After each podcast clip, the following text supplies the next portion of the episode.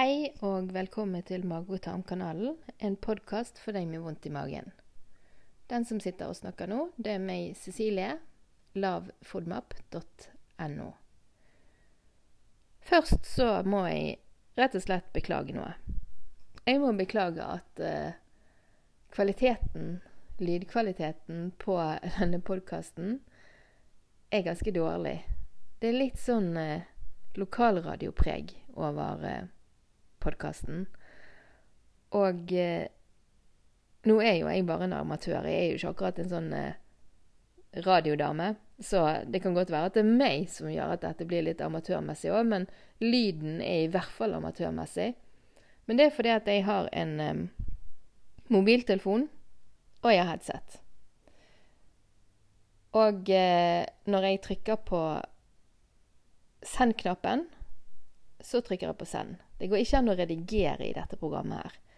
Det vil si at um, for en som er i overkant opptatt av uh, perfeksjonisme, og som uh, bruker kanskje et kvarter på å uh, skrive én setning i bloggen, så er dette litt vanskelig.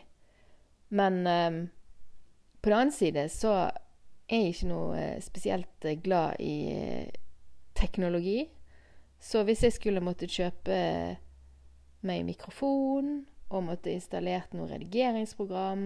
Og ja, da hadde dette blitt altfor vanskelig for meg.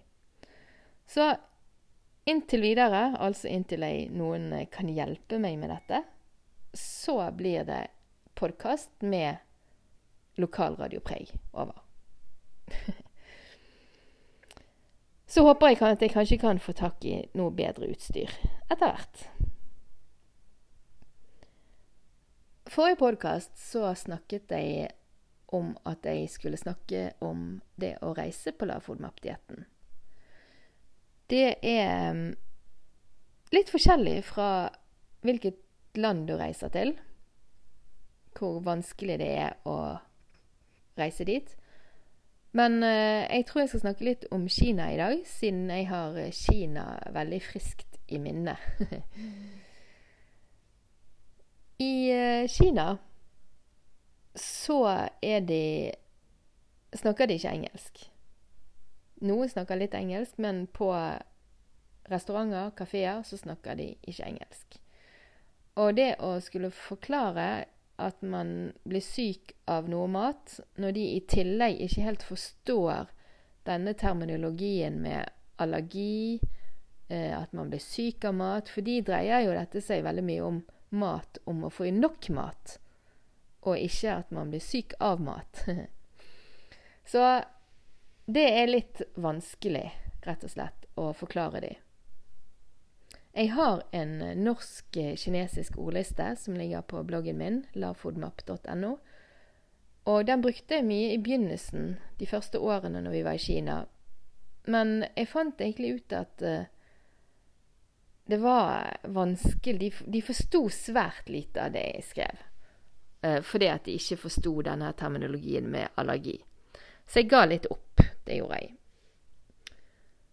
Det vil si at eh, denne gangen, i hvert fall, så har jeg tatt veldig mye sjanser. Faktisk hver eneste dag. Til eh, frokost spiste jeg brød som jeg hadde med meg. Det er ikke akkurat ferskt brød når det har ligget i eh, kofferten i ett og et halvt døgn, og så fryser du det ned, og så tar du opp igjen. Men eh, det er bedre enn ingenting.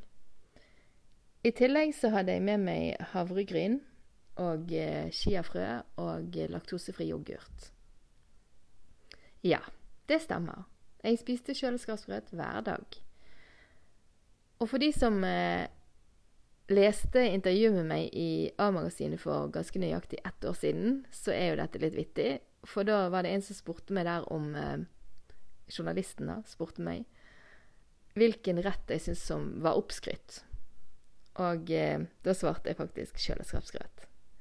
Den gangen syntes jeg det var dårlig. Det smakte lite, syns jeg, og eh, det var tjukt, og det vokste litt i munnen min.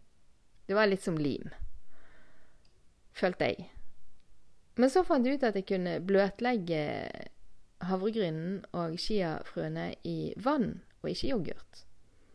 Og heller blande med yoghurt etterpå, sånn at det blir litt mer flytende og ikke fullt så limaktig. Og da syns jeg det var godt. Heldigvis. For det har vært redningen min mange ganger når jeg har vært ute og reist. Jeg hadde også med meg eh, potetlomper. Og ja, det stemmer at de er det litt eh, hvetemel eller speltmel i, men eh, det heter low food map og ikke no food map. Det vil si at eh, man faktisk kan spise bitte litt hvetemel og speltmel når man følger lav food map-dietten, med mindre man da har cøliaki. Da da skal man jo ikke spise gluten i det hele tatt. Jeg hadde også med meg sjokoladecookies og knekkebrød som jeg hadde puttet i bokser og lagt mye papir rundt de overlevde uten å bli helt eh, knust. Jeg tror det ligger noen bilder på Instagram for de som måtte være interessert i å se om de overlevde. Altså kjeksene og knekkebrødet. Instagram-kontoen min det er lavfoodmap underscore, altså en sånn, ikke en sånn bindestrek, men en strek under, og så NO. Um, ja, til middag så spiste jeg mye løk og hvitløk, og det endte jo med at jeg hadde vondt i magen hver eneste natt. Og jeg var dårlig i magen hver eneste morgen. Jeg brukte sånn ca. tre timer, tre til fire timer på å bli ferdig på do, liksom. Og nå føler jeg meg litt som en uh, gammel dame. Det er litt sånn uh, Du vet du er gammel når du begynner å snakke om avføringen din. Men det er nå en gang blitt mitt uh, lodd her i livet å snakke om uh, bæsj og promp. Beklager. uh, så jeg tar en for laget i dag òg. Men jeg var altså veldig mye dårlig i magen i begynnelsen på dagen, altså første timene. Og um,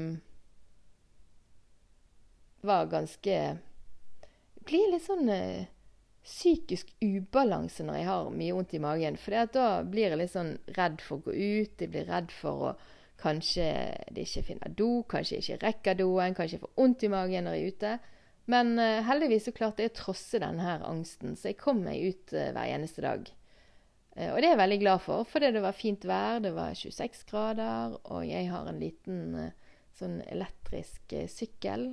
Uh, det er faktisk ikke pedaler på i det hele tatt, så det er egentlig mer en elektrisk eh, moped, kanskje. Som jeg freser rundt i når jeg er i Kina. Og det er Da får jeg sett mye. Og um, ja, det er kjekt å komme seg litt rundt uten å måtte ta drosje. For eh, drosje er Jeg syns det er verre Det er litt rart, men jeg syns det er verre å ta drosje hvis jeg er litt rar i magen, enn å sitte på sykkel. For det er litt eh, vanskelig å bare hoppe ut av en drosje, liksom eh, hvis jeg plutselig må på do.